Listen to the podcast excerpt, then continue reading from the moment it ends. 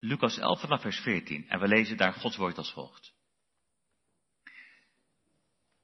En Jezus dreef een demon uit bij iemand en deze kon niet spreken. En het gebeurde dat hij die niet kon spreken toen de demon uitgevaren was, sprak.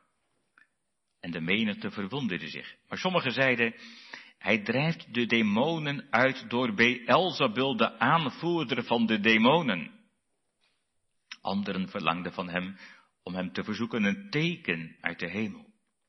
Maar hij kende hun gedachten en hij zei tegen hen, ieder koninkrijk dat tegen zichzelf verdeeld is, wordt verwoest. En een huis dat tegen zichzelf verdeeld is, valt. Als nu ook de Satan tegen zichzelf verdeeld is, hoe kan zijn rijk dan stand houden? Want u zegt dat ik door Beelzebul de demonen uitdrijf. Als ik door Beelzebul de demonen uitdrijf, door wie drijven uw zonen hen dan uit? Daarom zullen zij uw rechter zijn. Maar als ik door de vinger van God de demonen uitdrijf, dan is het koninkrijk van God bij u gekomen. Wanneer een sterke gewapende man zijn woning bewaakt, is alles wat hij heeft veilig.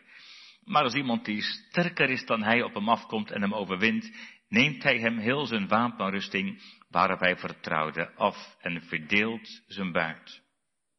Wie met mij niet is, die is tegen mij. Wie met mij niet verzamelt, die drijft uiteen. Wanneer de onreine geest van de mens uitgegaan is, gaat hij door dorre plaatsen om rust te zoeken. Maar wanneer hij die niet vindt, zegt hij, ik zal terugkeren naar mijn huis, waar ik uit weggegaan ben. En wanneer hij aankomt, vindt hij het geveegd en opgeruimd, dan gaat hij weg en neemt zeven andere geesten mee die meer verdorven zijn dan hij zelf. En wanneer zij naar binnen gegaan zijn, gaan, gaan ze daar wonen. En het einde van die mens wordt erger dan het begin. Het gebeurde toen hij deze dingen sprak, dat een vrouw uit de menigte haar stem verhief. En tegen hem zei, zalig is de schoot die u gedragen heeft, en zijn de borsten waaraan u gezogen hebt. Maar hij zei, veel eer zijn zij zalig die het woord van God horen en het bewaren. En toen de menigte te hoop liep, begon hij te zeggen, dit geslacht is een verdorven geslacht, het verlangt een teken, maar het zal geen teken gegeven worden dan het teken van Jona de profeet. Want zoals Jona voor de inwoners van Nineveh een teken is geweest, zo zal ook de zoon des mensen het zijn voor dit geslacht. De koningin van het zuiden zal in het oordeel samen met de mannen van dit geslacht opstaan en hen veroordelen. Want zij is gekomen van de einden van de aarde om de wijsheid van Salomo te horen. En zie meer dan Salomo is hier. De mannen van Nineveh zullen in het oordeel samen met dit geslacht opstaan en het veroordelen. Want zij hebben zich bekeerd op de prediking van Jona. En zie, meer dan Jona is hier. Tot zover. De tekst, van, de tekst voor de preek is vooral wat u vindt in vers 27 en 28. Dat zijn die woorden waar het over die vrouw gaat die ineens haar stem verheft en zegt, zalig is de schoot die u gedragen heeft en zijn de borsten waaraan u gezogen hebt. Maar hij zei, veel eer zijn zij zalig die het woord van God horen en het bewaren. Horen en bewaren. Daar gaat het over in de preek. Horen en bewaren. Gemeente, kinderen zijn een zegen van God. Zo zeggen wij dat wel eens. Zo staat het ook in de Bijbel. Dat kun je dankbaar zijn als je zelf kinderen of kleinkinderen mag krijgen. Dat is bepaald niet vanzelfsprekend. En dat weten ook heel wat in ons midden uit eigen ervaring. Wat kun je ook dankbaar zijn als je de kinderen en de jongeren ziet in de kerk. jongens en meisjes, daar ben ik altijd blij mee als jullie er zijn. Maar ook de jongelui. Dan denk je zoveel jonge mensen die nog het leven voor zich hebben. Als God het geeft. Hoe zal het later met jullie gaan? Wat zul je meemaken? Wat zul je misschien bereiken in het leven? Wil je misschien geld verdienen? Of carrière maken? het verschoppen in het leven? Of zeg je misschien, nou, als ik maar een gezinnetje krijg en gewoon kan leven, huisje, boompje, beestje. Ja, welke plaats heeft God eigenlijk in jullie toekomstplannen? En welke plaats heeft het koninkrijk van God in de dromen die je hebt over de toekomst? Al zouden we in deze wereld succesvol zijn zonder God, is het uiteindelijk een verloren zaak. Maar als God centraal staat in je leven, heeft je leven doel, heeft je leven zin. En daarom hopen we en bidden we dat jullie leven achteraf niet nutteloos zal zijn, maar dat je van betekenis zult zijn in het koninkrijk van God. Wat zou dat geweldig zijn als jullie later geen nieuwe generatie kerkverlaters zullen zijn. Maar een nieuwe generatie die God zoekt. Nog meer dan jullie ouders en grootouders. En tot zegen zijn in deze wereld. En je ziet daar staan, die ene vrouw.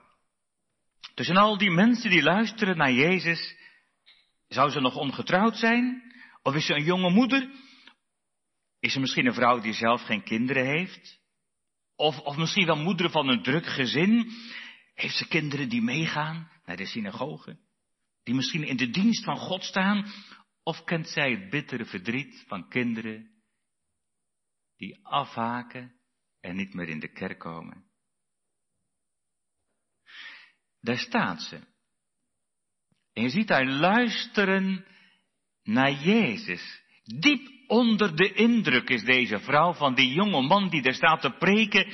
Wat een wijsheid in die ogen van hem. En wat een liefde schittert daar in zijn ogen.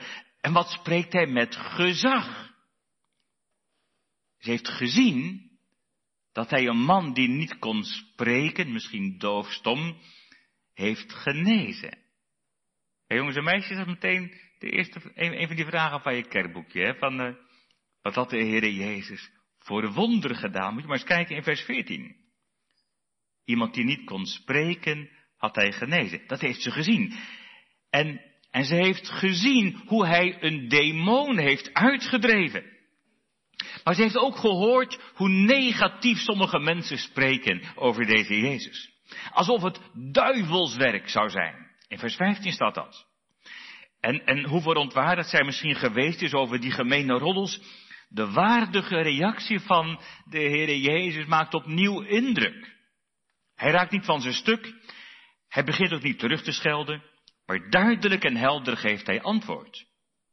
Denken zij nu echt dat hij de ene duivel met de andere verjaagt? En dan geeft hij ook wel argumenten, dat laat ik nu maar rusten. Maar hij gaat er wel op in, de Heere Jezus, en dan ineens recht op de man, op de vrouw af, in vers 20, maar als ik door de vinger van God de demonen uitdrijft, dan is het koninkrijk van God bij u gekomen. En die vrouw voelt wel aan, hier is God aan het werk, hier is God in ons midden. En die gedachte flitst door haar heen, stel je nou te voor, je zult zijn moeder maar zijn. Wat zou dat geweldig zijn, als je de moeder van zo'n zoon mag zijn. Dat je zo'n zoon hebt, zo'n gezegende prediker, een man van God. En in dat enthousiasme kan deze vrouw zich niet meer stilhouden. Het heeft iets van een, van een applaus als het ware. Een eerbetoon uit het diepst van haar hart. En je hoort die stem van haar boven alle stemmen uit. In vers 27. Het gebeurde toen, die dingen, toen hij die dingen sprak, dat, dat een vrouw uit de menigte haar stem verhief. En, en, en dan klinkt het zalig, de buik die u gedragen heeft. En de borsten waaraan u gezogen hebt. Ja, dan gaat het natuurlijk over Maria, over de buik van Maria, de borsten van Maria.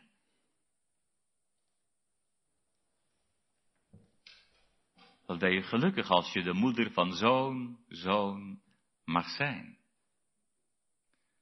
En dat enthousiasme, als je dat op je in laat werken, dat heeft iets ontroerends.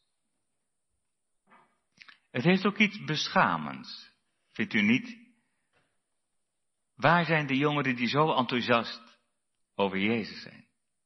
Waar zijn de ouderen die zo enthousiast over hem zijn, die zo onder de indruk zijn van Christus?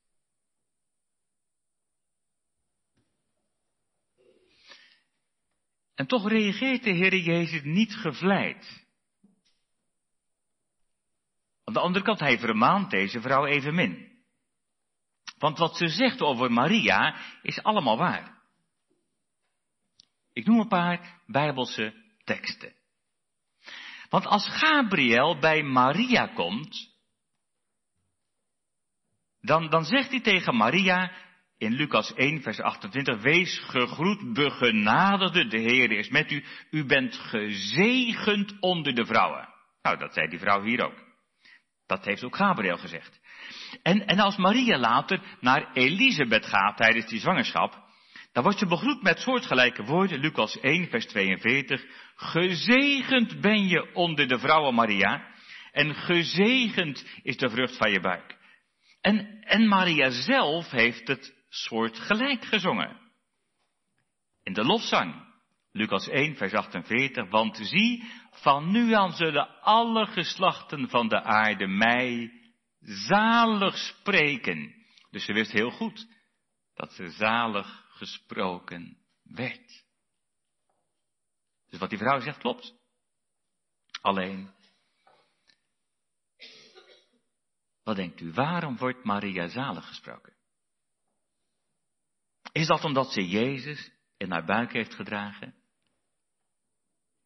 Is dat omdat hij aan haar borsten heeft gedronken?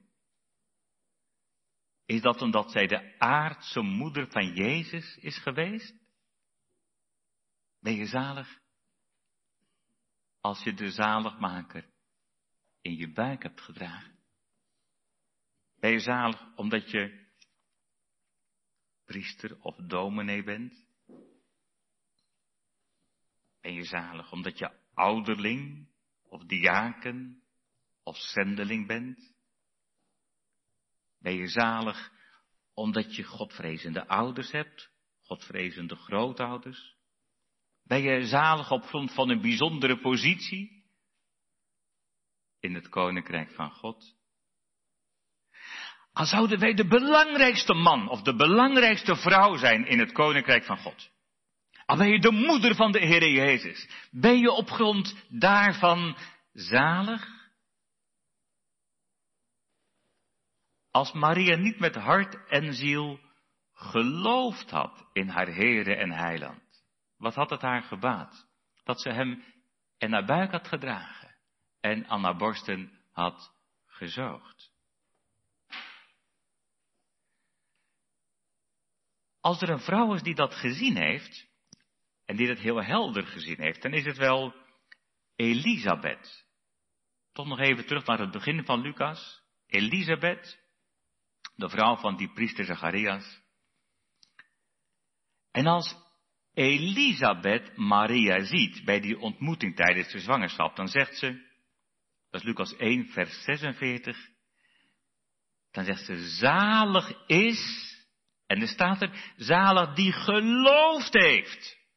Want wat haar van de kant van de Heere gezegd is, zal volbracht worden. Zonder dat geloof is alle godsdienst een lege huls. Zonder dat geloof is het onmogelijk God te behagen. De woorden uit de Hebreeënbrief 11 vers 6. Zonder geloof is er geen zaligheid, geen zalig spreking. Hoe dan wel? Nou, door het geloof alleen. Dat is het geloof in Hem die de goddeloze rechtvaardigt. De rechtvaardiging van de goddeloze door het geloof. Dat is het geloof dat vlucht naar Christus. O God, wees mij zondaar genadig. Dat is het geloof dat groot denkt van God en klein van jezelf. Dat is net als Maria. Als je die lofzang leest, Iemand zei vast nog, ja, wat dan, dan zo mooi is, is, is juist dat ze zo klein over zichzelf denkt, maar zo groot over hem, omdat hij staat er, en zo zingt ze dat, dat is Lucas 1 vers 48, omdat hij heeft omgezien naar de nederige staat van zijn dienares. Dat is het geloof dat zich overgeeft aan hem. Net als Maria, die het ook zei. Dat is Lucas 1, vers 38. Weet je uit dat begin allemaal. Maar, maar, maar zie de dienares van de Heere. Laat met mij geschieden overeenkomstig uw woord. Ze onderwerpt zich aan hem. En ze geeft zich over aan hem. Al heeft Maria die uitzonderlijke positie gekregen. Ze mag de moeder zijn van de zoon van God. Zij wordt op precies de wijze, op dezelfde wijze zalig als, als ieder van ons. Door het geloof alleen. En daarom die woorden van Christus in de tekst, dat 28e. Maar hij zei, veel eer zijn zij zalig die het woord van God horen en het bewaren. En daarin is Maria geen uitzondering, maar juist de bevestiging van de regel. In de Bijbel, ook in het doopformulier, wordt Abraham genoemd de vader der gelovigen. Je kunt ook Maria wel noemen, de moeder van de gelovigen. Daar is niks mis mee. Want juist van haar lezen we dat zij die woorden van de Heer niet alleen hoort, maar ook bewaart. Het thema voor de preek, wat Jezus zei, horen en bewaren. Wie het wil zoeken, Lucas 2 vers 19. Daar staat er uitdrukkelijk bij. Na al die wonderen van de kerstnacht en als die herders komen, wat ze ziet en wat ze hoort en gehoord heeft, dat ze die, dat ze die woorden bewaart in haar hart en, en het biddend overdenkt. En juist van haar lezen we dat ze zich onderwerpt aan haar zoon, ook als hij niet doet wat ze wil. Denk aan de bruiloft in Cana. Dan is hij best een beetje bot, lijkt tegen, tegen zijn moeder. Maar dan, dan onderwerpt ze zich. Wat hij ook maar zou zeggen, doe dat, zegt ze tegen die knechten. Ook, ook zij leeft in de overgave aan hem. Ze kent dat geheim van zijn genade. Er komt nog iets bij. Hier wordt Maria zalig geprezen. Dan kun je zeggen, ja, dat is natuurlijk mooi. Maar daarmee kun je het ook heel makkelijk van je afhouden. Dat je denkt, nou, dat, dat, is mooi voor hem of voor haar of voor een bijzonder kind van God, die heeft iets meegemaakt en dit en dat. En, maar ja, ik, ik ben hem niet, ik ben haar niet, ik, ik ben Maria niet. Eh, je kunt het makkelijk van je afhouden. Mooi dat die ander zoveel betekent in het koninkrijk van God. Maar ja, dat is niks voor mij. Dat is niks voor mij. De zending of weet ik wat. Dan kun je de boot afhouden. Of, of misschien denk je, ik, ik, verlang er wel naar. Ik zou wel graag iets willen betekenen in Gods koninkrijk. We zouden dicht bij de Heer willen leven. Maar ja, dat, dat lijkt zo onbereikbaar ver weg. Dat je denkt, nou ja, ik ben Maria niet, ik ben die dominee niet, ik ben niet zo'n grote gelovige, ik ben maar een gewoon iemand. En... Maar wat doet Jezus? Wat doet Jezus? Hij blijft niet steken bij die woorden van die vrouw. Maar hij brengt het heel dichtbij bij u en bij jou en bij mij. Het is niet alleen voor Maria. Zalig is niet alleen Maria, zegt hij. Nee, hij zegt, veel eer zijn zij zalig, die het woord horen. En noem het andere woorden, allen die het horen en het bewaren. Niet alleen Maria, maar ook u en jij en ik. Zalig die het woord van God horen en bewaren. En, en dan zie ik in gedachten al die mensen rondom de Heer Jezus. Rondom die vrouw. En ze horen het allemaal. De woorden die hij spreekt, ze horen hem preken. Dat was vanmorgen in de kerk, vanmorgen en vanmiddag. Elke zondag. Twee keer in de kerk of zeker in deze tijd thuis met ons verbonden.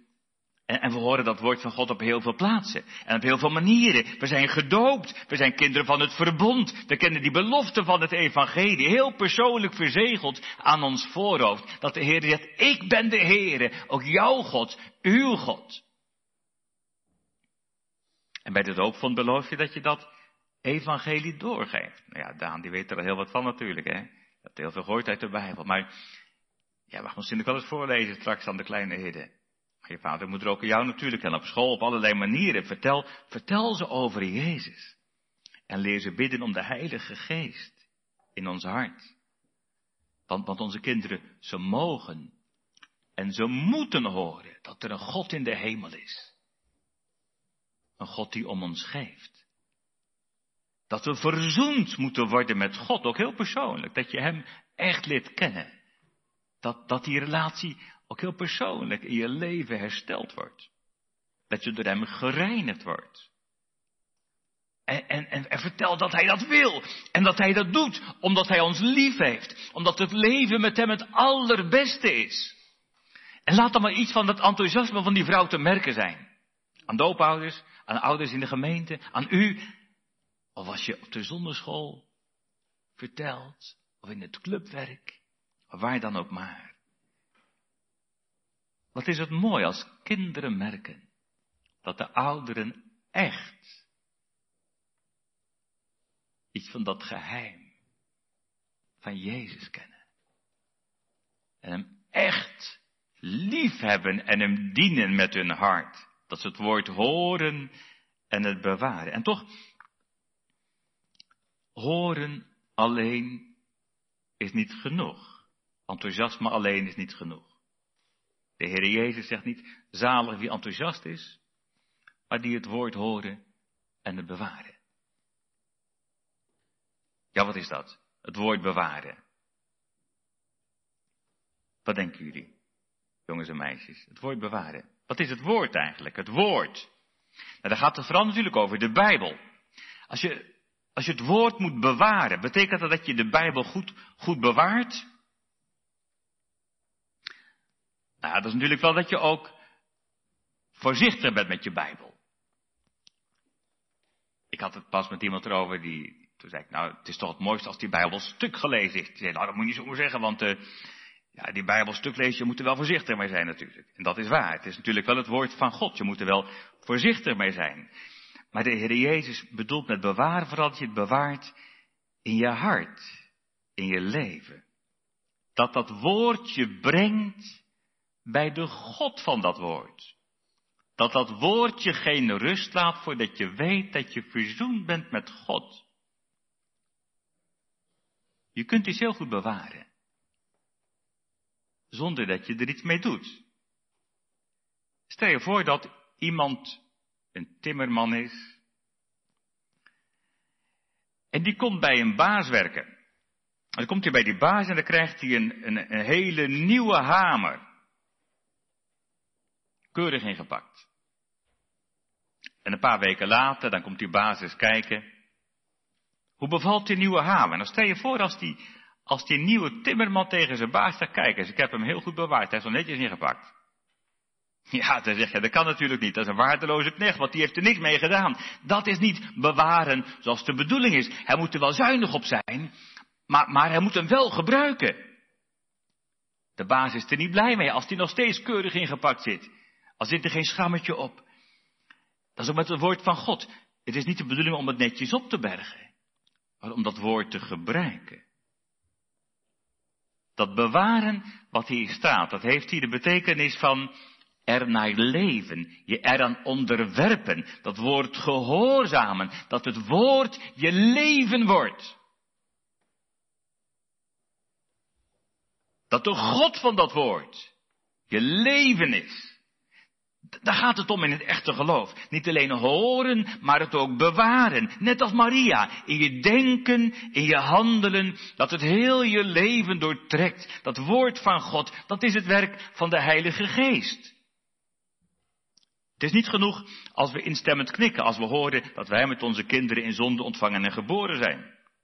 Wat doet de Heilige Geest? Hij brengt je zover dat je heel persoonlijk die onreinheid ontdekt. En dat je met die zonde naar Jezus vlucht. Was ook mij witter dan sneeuw. Want ik kan het zelf niet, maar u wel. Dat je, net als het formulier dat zegt, je zaligheid buiten jezelf, je reiniging buiten jezelf in Jezus zoekt. En het ook vindt in Hem. Het is natuurlijk mooi om te horen dat de Heer zegt, ik ben de Heere, ook jouw God. Maar het is niet genoeg als je dat aanhoort zonder dat je er wat mee doet. De Heilige Geest gunt je geen rust voor je die God van het verbond gaat zoeken en hem ook leert kennen. En jezelf ook in je eigen leven dat wonder van die genade ontdekt. Wat heb je aan het evangelie? Als je niet leert schuilen bij Jezus, bij het kruis. Wat is het geweldig als je hoort van die liefde van Christus, die hij betaald heeft met zijn bloed. Maar wat heb je eraan als je die liefde onbeantwoord laat? Als je gewoon verder leeft zonder hem. En daarom die woorden van Christus, het evangelie horen en bewaren. Horen en doen. Dat je ernaar leeft dat Hij je leven wordt. En je leven is Jezus die mijn leven is. Om te leven uit Hem. En voor Hem. En met Hem. Om te wandelen in het licht met Jezus. Horen en bewaren. Mijn hart, o hemel, majesteit, is tot uw dienst en lof bereid. Dat kan ook op je kantoor. Of in je bedrijf. Of op school. Of waar het ook maar is. Horen en bewaren. Dat is het werk van de geest. Nu is die context waarin dat staat niet zo mooi. Want wat gebeurt er? Veel mensen halen de schouders op. Ze willen wel een wonder zien. Jezus mag nog wel een duivel uitdrijven. Dat vinden ze wel mooi. Dat is spectaculair. En, ze willen wel zieken genezen zien worden. Maar ze doen er niet zoveel mee. Ze horen het wel, maar ze horen het aan. En verder bewaren ze het niet. En dan, dan geeft de Heer Jezus twee voorbeelden. Dat is het laatste. Twee voorbeelden. Het eerste voorbeeld wat hij noemt is van Jona, de profeet. Jona, Jona, je kent hem wel. Jona. En die vis. Maar het gaat nu niet over die vis, het gaat om de profeet. Jona. Hij moest naar die goddeloze stad, Nineveh. De hoofdstad toen van het Rijk van Assyrië. Laat ik allemaal maar rusten, maar ik heb wel eens gedacht, wat zou er gebeuren als Jona vanmorgen op de kantel had gestaan? Wat Jona zei was niet zo leuk. Dat was geen prettige preek om zo te zeggen. Jona zei maar één ding, hel en verdoemenis. Ik zeg niet dat dat de roeping van de domen is, maar Jona zei het wel. Hel en verdoemenis. Hij zei nog veertig dagen en de stad wordt omgekeerd, net als Sodom. En er blijft niks van over. Hij doet geen enkele moeite om de mensen daar de mond te spreken. Alleen maar dat dreigende refrein, nog veertig dagen en het is gebeurd. En de mensen in Nineveh horen dat. Ze horen het met hun oren. En het dringt zelfs door tot in het paleis van de koning. En wat doen ze? Dan moet u weten dat de Assyriërs bekend stonden om hun vreedheid, maar ook om hun durf, hun moed, hun grootspraak. En die machtige Assyriërs, wat doen ze? Lachen ze die profeet van God uit? Verbieden ze hem te preken? Slaan ze hem in de boeien, in de gevangenis, weg met zo'n man? Ze horen het en ze bewaren het. In Nineveh zie je de praktijk. Wat Jezus zegt, horen en bewaren. Ze doen het. Heel die bevolking gaat in zak en as. En ze vernederen zich. Ze beginnen te bidden. En ze beleiden hun zonde. Het wordt een opwekking in Nineveh. En de Heer Jezus zegt, ze hebben zich bekeerd op de prediking van Jona. En zegt hij, meer dan Jona is hier. Vers 32. Dat is nog eens horen en bewaren, zegt Jezus eigenlijk. En dat waren geen eens verbondskinderen, dus ze deden het wel.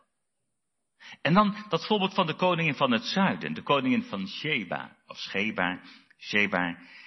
Dat is een mooi voorbeeld voor mensen die zich afvragen, is het allemaal wel waar? Dan kunnen eens denken, is het allemaal wel waar? Ja, die dominee zegt het wel, maar is het allemaal wel waar? Hoe moet ik dat dan weten dat het waar is?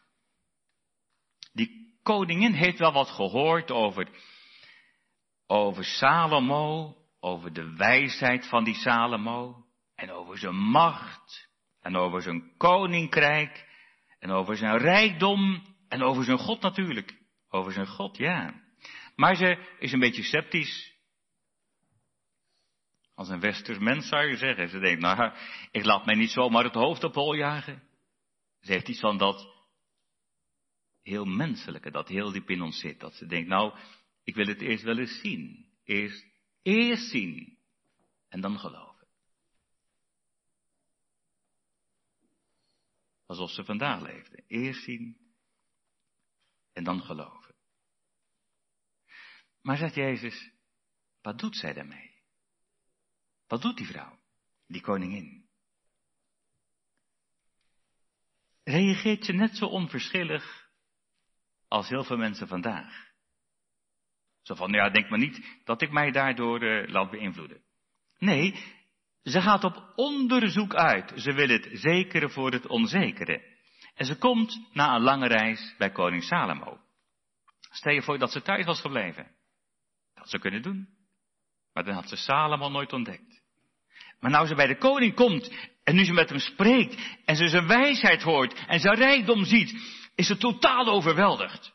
En eerlijk zegt ze tegen koning Salomo dat ze het eerst niet wilde geloven. Maar dan zegt ze, zie de helft is me nog niet aangezegd.